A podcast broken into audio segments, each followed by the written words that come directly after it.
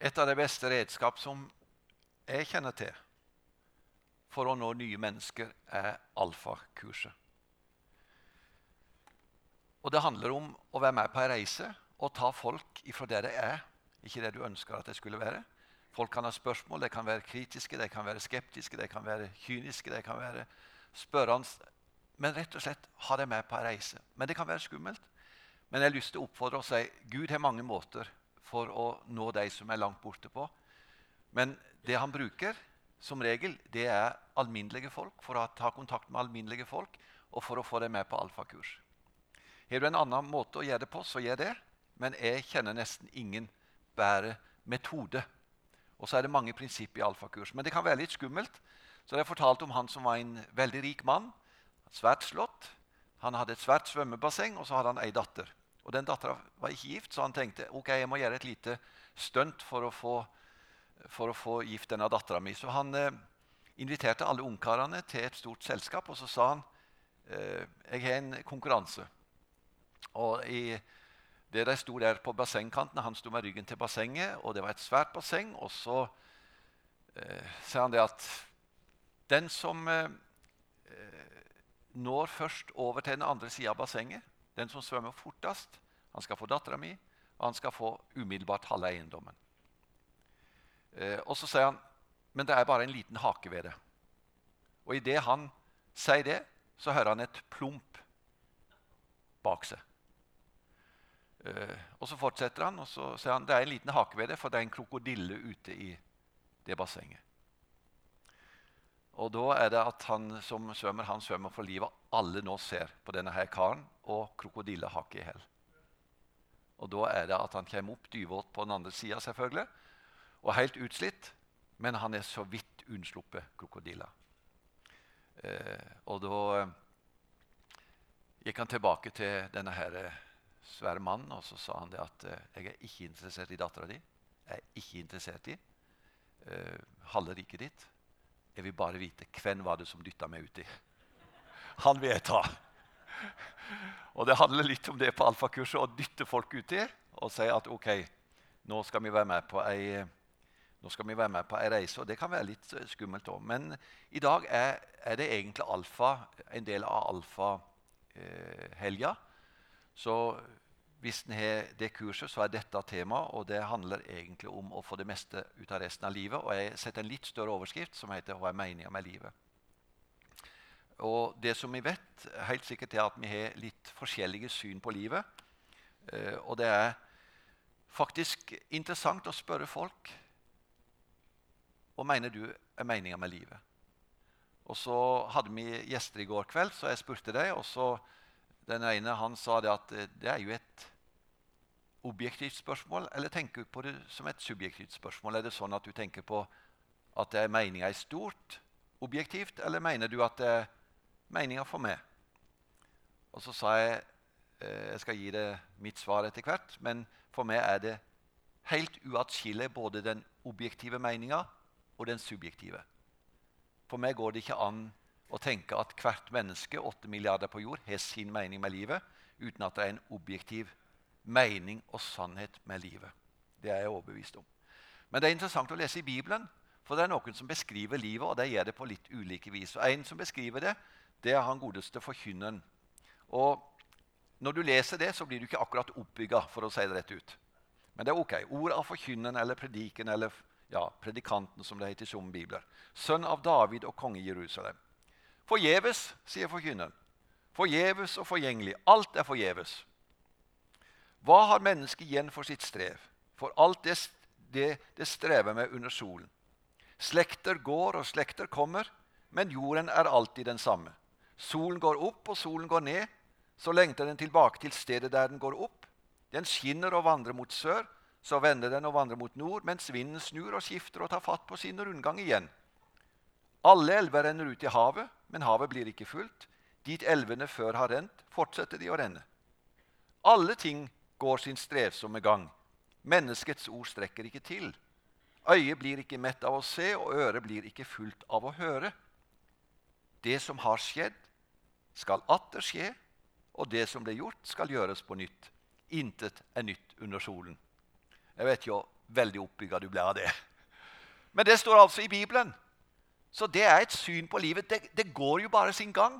Om du bor på Vegårshei eller i Treungen eller i Tvedestrand.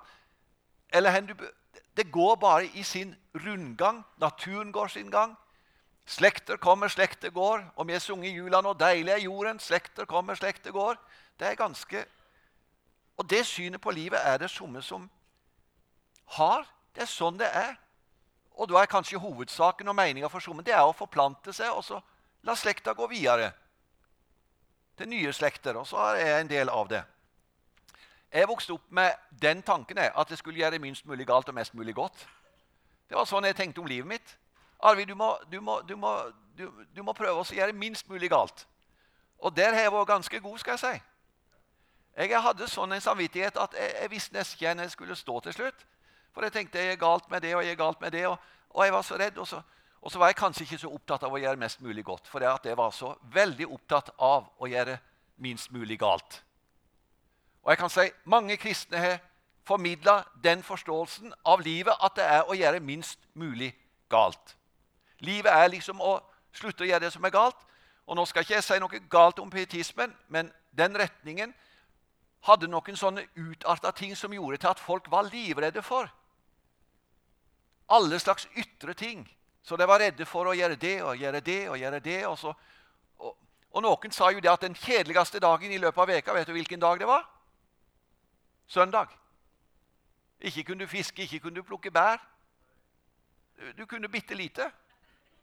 Og jeg husker veldig godt at jeg syntes det, det var helt forferdelig. Pappa han sov lang middag og ikke fikk meg lov til å spikke. Fikk ikke lov til å bruke kniv nesten. Han var ikke så streng, men så strengt var det. Og det er noen som syns at livet er ganske håpløst. Paulus han skriver sånn i 1. Korinterbrev 1532. Så sier han det sånn Var det bare med et rent menneskelig håp jeg kjempet mot ville dyr i Efesos? Hva godt hadde det tjent til for meg? Hvis de døde ikke står opp, så la oss spise og drikke, for i morgen dør vi. Og det er et sitat. Det er altså ikke Paulus som mener det, men han sier Sånn er det somme som tenker. Men hvis jeg tenker sånn, sa han, så hvorfor i all verden skal jeg drive på og kjempe for det som jeg tror på? Hvorfor skal jeg stå i det? Hvorfor skal jeg kjempe med livet sånn? Hvis det er slutt, da la oss ete og drikke, for i morgen dør vi. Og så har vi en godeste Nietzsche, og han er påvirka veldig mye. Han erklærte Gud er død. Det var en som startet med å si at han eh, Marx var død, og Gud var død, og han følte seg ikke helt god, han heller. Men Nietzsche han, han sier det sånn, Nietzsche han er påvirka ganske mange. Han var filosof, han var filolog. Men han er påvirka Vestens tenkning. Og Derfor er dette samfunnet som vi lever i, blitt ganske areligiøst. Det det er blitt nesten irreligiøst. Men han sier det sånn, han godeste Nietzsche. Det finnes ikke en skapende Gud. Han skrev derfor at Gud er død fordi han ville at folk skulle forlate religionen og finne mening i livet på egen hånd. Det er akkurat det som skjer i 2024. Folk finner sin egen retning. Og du må helst ikke komme med noen absolutte sannheter og fortelle folk og si et eller annet om at det er en absolutt sannhet, en objektiv sannhet. Nei, jeg må finne ut er det godt for meg, trives jeg med det, syns jeg det er ok, så lever jeg som jeg vil, tenker som jeg vil og tror som jeg vil og nåde den som angriper det. Det er ganske intenst hvis du går inn i samtale med mennesker på det planet. Jeg vil ha det sånn som jeg har det. Og det er akkurat etter Nietzsches tenkning. Det er, det, det er bare overmennesket, sier Nietzsche, som er i stand til særlig kunstnere fordi de fornyer livet med sin kunst, mente filosofen. Hva er egentlig meninga med livet? Det er en som har skrevet ja, Innenfor nyere filosofi så er det blitt vanlig å skille mellom spørsmål om meninga med livet og spørsmål om meninga i livet. Meninga med livet og meninga i livet. Første spørsmål handler om livet har et eksternt formål. Altså Meninga med livet det er det store spørsmålet. Mens det andre spørsmålet handler om livet kan være verdifullt og gi grunner til å fortsette å leve. Du må finne ut av hvorfor skal jeg stå opp med beina ut av senga. Hvorfor, skal, hvorfor gjør du det? Har du tenkt over hva er grunnen til at du lever? Hva er hensikten med det? Meninga med livet? Og så finnes det noen som ikke har mening med livet, men det er mening i livet. Jeg syns det er ok å drive på med det jeg driver på med. Jeg ordner med det som jeg steller på med. Jeg lever sånn som jeg lever, og det er ok for meg. Og jeg trenger ikke ha noe overordna perspektiv. Uh, og det er mange som sover i livet sitt. Som ikke bryr seg om annet enn det som de syns er meninga i livet her og nå. Og det er ganske stillstand i tanken. Det stopper opp ved det. Og Jeg hørte en professor, og nå gjør jeg han litt urett, for jeg har ikke lest boka hans. Han heter Einar Duenge Bøhn. Han er professor på UiA. Og Han har en setning som han formidla på NRK, så jeg hørte han der. Og Han sier meninga med livet er å forbedre oss.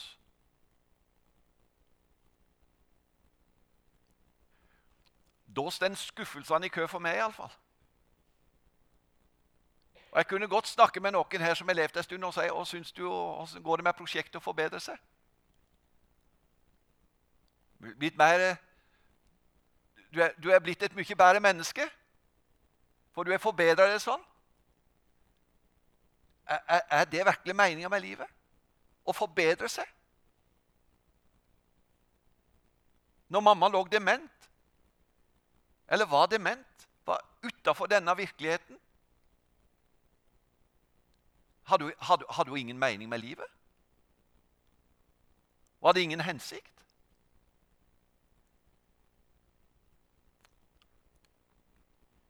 Er det, er det mulig å slå seg til ro med det? Er vi ikke bestemt til noe større? De to viktigste dagene i livet ditt det er den dagen du blir født, og den dagen du oppdager hvorfor du ble født. Når du oppdager det er derfor jeg finnes her på jorda. Og En av de mest solgte kristne bøkene i verden er av Rick Warren, pastor i Saddleback Church inntil for noen år tilbake. Han skrev en bok som heter 'Purpose Driven Life', hensiktsdrevet liv. Og Undertittelen på den boka er på norsk 'Hvorfor i all verden er jeg her?' Du må finne ut av det. Du, du, må, du, må, du må, ta fatt i livet ditt og si det, det må finnes en mening. og Hvis du oppdager det Og det er ganske fantastisk når vi har vært på alfakurs. Og så har vi sett på noen filmer og gjennom de filmene så har vi fått noen vitnesbyrd av mennesker som, som kommer liksom i et sånt gjennombrudd i livet sitt. Denne reisa som jeg var med på på alfakurset, gjør at jeg plutselig ser det er derfor jeg er her. For det er et mye større bilde som blir tegna for livet. Det blir en himmel over livet mitt. Det blir noe som griper fatt i meg. For jeg er faktisk med i den store fortelling. Jeg er en del av Guds store fortelling. Og det er ingen kapittel i Bibelen som er så viktig for å forstå grunnen til at vi er her, mer enn de tre første kapitlene i Bibelen. Det gir oss en begrunnelse, og det gir oss en hensikt. Skapelsen, det at Gud er skapt, det er en nøkkel til å forstå hvorfor er jeg her i denne verden. Og du er et helt unikt du er et helt unikt menneske skapt av Gud. Og hvis du syns du er spesiell, så er du det. Hvis du syns du er noe utenom det vanlige, så er du det. Det finnes ingen som er lik. Vi er ikke i samme fingeravtrykk. Vi er ikke i samme form på tunga. Vi er ikke i samme hjerteslag. Vi er satt sammen av billioner av deler i kroppen. Og så kan en fysiker, en kjemiker, han kan bare smelte oss om til noen metaller og til stoff og til mineraler. Men så vet vi at vi er så mye mer av det, for vi er skapt av Gud. Du er skapt av Gud, og vi tror at det skjer helt ifra unnfangelsen av Gud har designa hvert menneske. Og Noe av det viktigste du kan ha som verdi i livet ditt og meninga av livet, det er at du er verdifull. Og det er mange mennesker som går med ei indre plate, som stadig synger at 'jeg er egentlig til overs'. Jeg er ikke brukbar, jeg er ikke verdifull. Det finnes ingen større løgn i livet enn at du spiller plate om igjen at du ikke er verdifull. Du er ufattelig verdifull. Du er så kostbar fordi at du er et menneske med ei sjel og med et liv som Gud er skapt. Og han har gjort det på et underfullt vis. Og Noe av den beste sangen du kan synge, det beste verset du kan gjenta i livet ditt, det er at 'jeg er verdifull'. For det at Gud har satt verdien på meg. Og tar jeg opp en hundrelapp, som er sjelden vare i dag, men tar jeg opp en hundrelapp, og så kan jeg betale med den, så, så kan du se at den papirlappen ikke er verdifull i seg sjøl. Men den er alltid verdifull i forhold til en annen ting. Den er verdifull fordi at det er noe som garanterer for verdien på den. Det er noe gull, det er noe verdifullt i Norges Bank som sier det er 100 kroner. Og så kan et menneske si jeg er jo bare kjøtt og blod, jeg er ingenting. Du er så mye mer. Du er skapt av Gud, formet av Gud. Gud sa la oss lage mennesker i vårt bilde, så de ligner oss. Og Bare det er fantastisk å lese. La oss. Det er et guddommelig oss. Det er treenigheten Fader, Sønn og Ånd. La oss lage mennesker i vårt bilde så de ligner oss. Og Gud skapte mennesket i sitt bilde. I Guds bilde skapte han det. Som mann og kvinne skapte han dem. Gud velsignet dem. Du er designa av Gud. Du kunne nesten spleise på et lite halleluja til deg sjøl. Og si ja, det var, det var fint. Gud er og så, er, er, det viktig å si du er ikke i sentrum likevel. For i boka til Rick Warren så, så sier han 'Hvorfor i all verden er, er, du her?' Og så Åpningssetningen en av de beste setningene i kristen bok jeg har lest. På engelsk så er det sånn 'It's not about you'. Det er likevel ikke mer som er sentrum. For hvis du knytter hele livsmeninga til at du er sentrum, så blir livet et strevsomt liv. Det blir et prosjekt som du må fullføre. Det blir et regnskap som du må gjøre opp. Det er et ansvar som du må bære. Det er svar som du må gi. Det er byrder som du må bære. Hvis du er sentrum. Men det som er mest fantastisk med meninga i livet, det er at byrden tas av dine skuldre. Ditt hjerte bærer ikke ansvaret lenger, for det er Guds hjerte.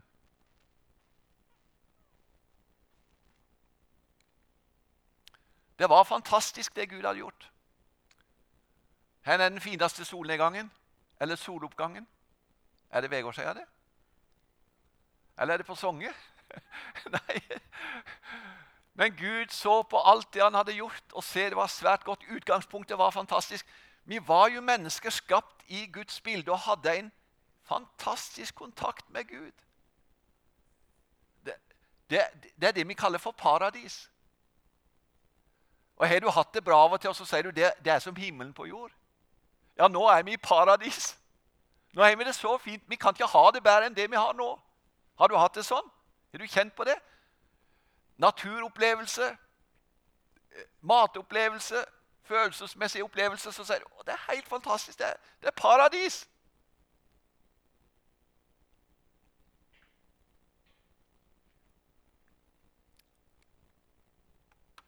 Men bildet slår ikke sprekker. Det gikk jo i stykker. Og grunnen til at vi sitter her, det er at det gikk i stykker.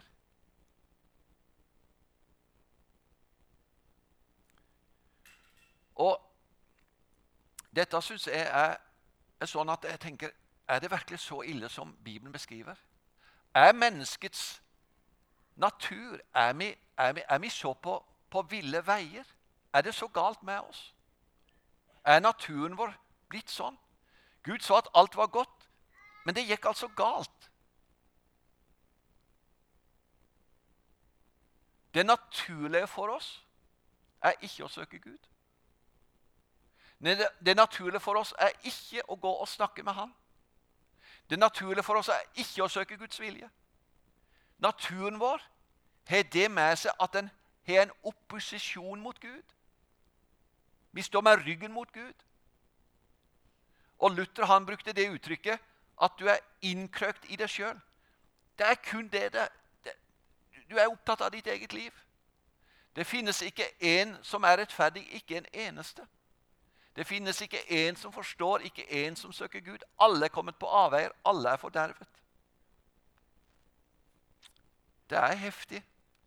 Det er blitt et skille, en barriere, Det er, det, det er sånn det naturlige mennesket er, som ikke lenger er i kontakt med Gud. Og da mister du himmelen over livet. Mister den kontakten.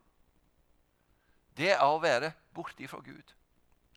Og, da, og, da, og da, da, finnes det ikke noen mening og retning på livet. Annet enn at du kan finne en mening i livet på en eller annen måte med å finne noe som du kan stelle på med og drive på med.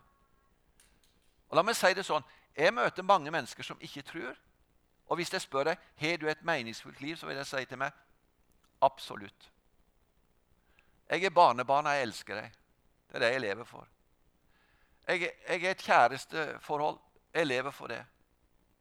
Jeg er en hobby. Jeg lever for det. Jeg er noen sydenturer. Jeg syns det er helt fantastisk.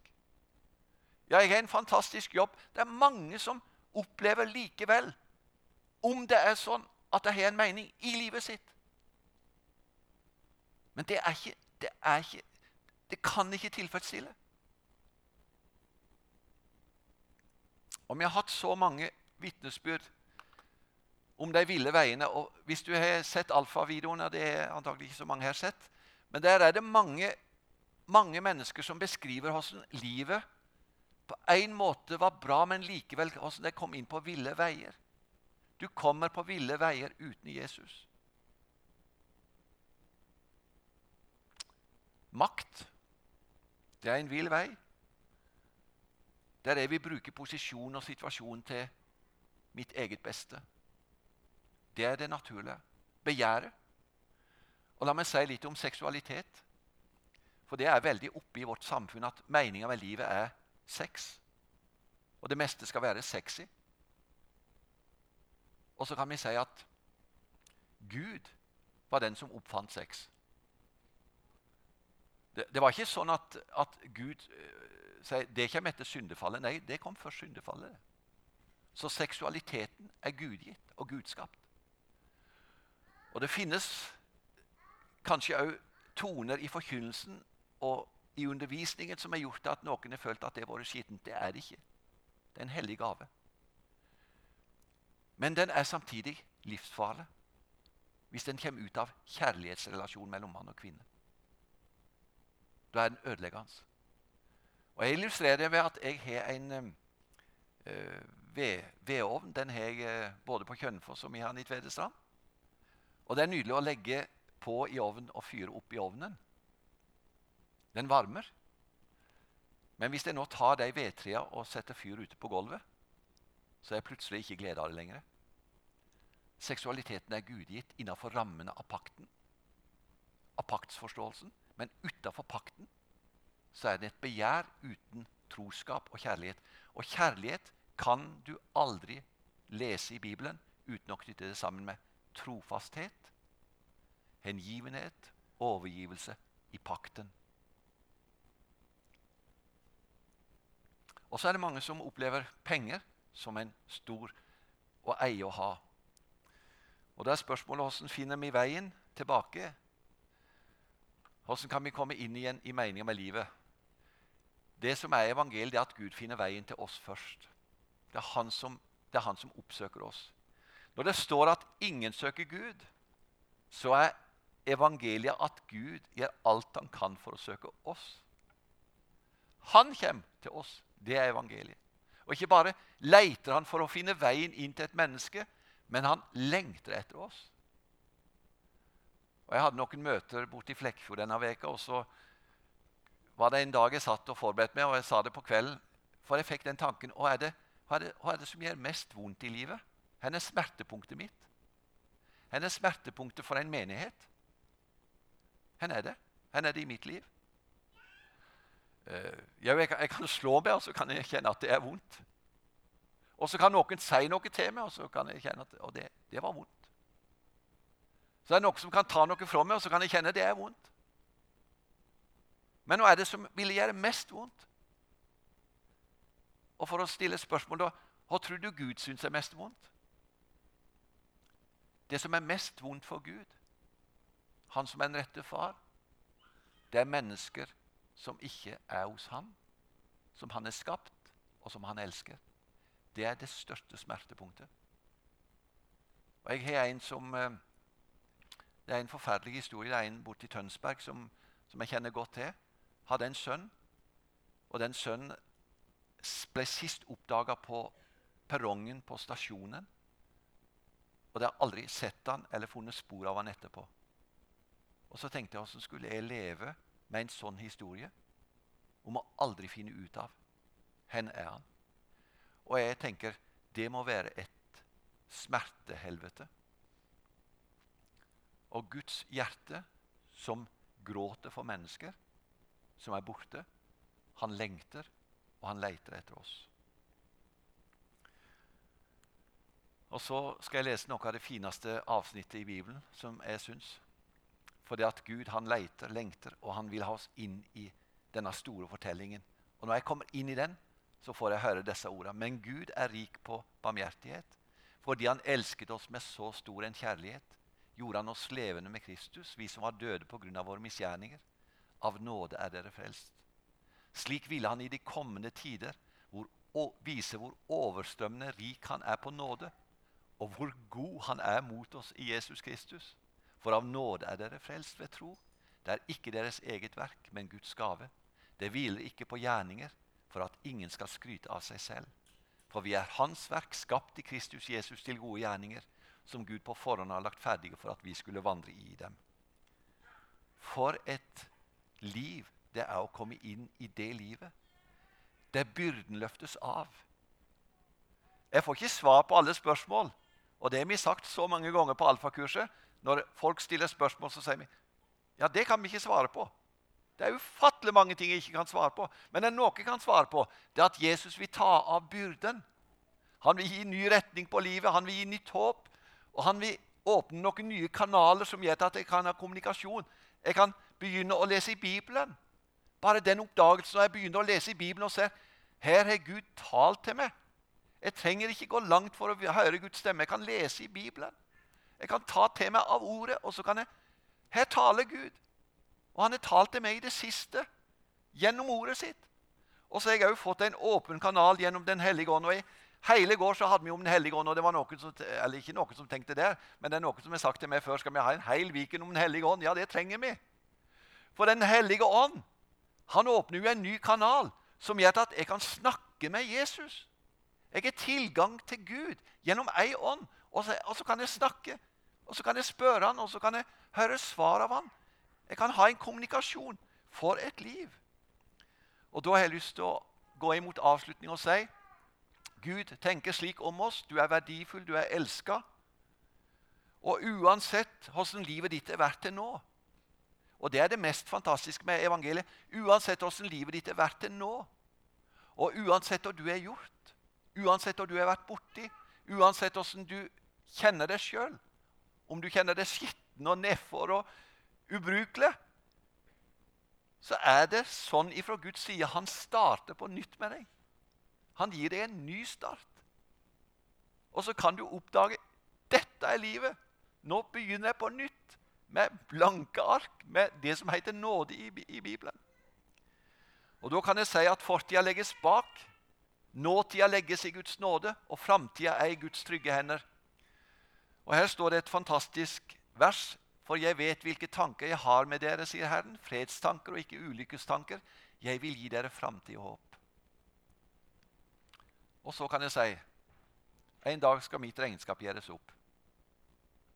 Jeg kommer til et mål. Og Helge nevnte på det, vi må ha et mål. Og så har jeg et regnskap for livet mitt. Og Nå kan jeg stille deg et utfordrende spørsmål. Hvordan tror du det regnskapet ditt ser ut til slutt? Her er det noen spesialister på regnskap. Jeg er ikke spesialist på det, men jeg har et livsregnskap. Og så tenker jeg hvordan ser det ut? Og nå skal jeg fortelle hvordan mitt regnskap er. Jeg har gjort opp regnskapet allerede. Jeg vet avslutningen på det. For det som jeg har bestemt meg for og sagt ja til, det er at en annen skal ta mitt regnskap. Ta alle mine minus. Og så har han sagt det er i orden. Det er betalt. Det er i orden. Det er sletta ut. Og så kommer han med sitt regnskap. Og det er et fullkomment liv. Og for meg er det ufattelig frihet og glede i å leve i det, i, i det regnskapet. Jeg er overlatt hele til Han. Og da blir det ikke det som jeg har gjort, som er avgjørende, men det Jesus har gjort. Da finner jeg meninga med livet mitt. Jeg er fri, jeg er glad, jeg er trygg, jeg er framtid, jeg er håp. Og jeg er faktisk heller ikke redd for å dø. Og det er ikke fordi at mitt regnskap holder, men fordi at hans regnskap har tatt hele saken. La oss be. Takk, Jesus, for at du er frelseren. Du er forsoneren. Takk, Jesus, for det at du har tatt alt vårt, alle våre synder, har du tatt på deg. Og vil jeg be Jesus for alle som er her, og som har en livsvandring, vi ber Herre Jesus Kristus. Vil du lette byrden? Vil du tenne lys? Vil du gi håp? Vil du la mennesket få erfare at det kan reise seg igjen? For det er verdifulle, det er elska. Jesus, jeg ber, la mennesker i dag bli satt fri ifra det som binder, det som hindrer, og det som gjør at livet blir tungt å leve. Kom, Jesus. Takk for at du er, du er både meninga i livet, og du er meninga med livet. Amen.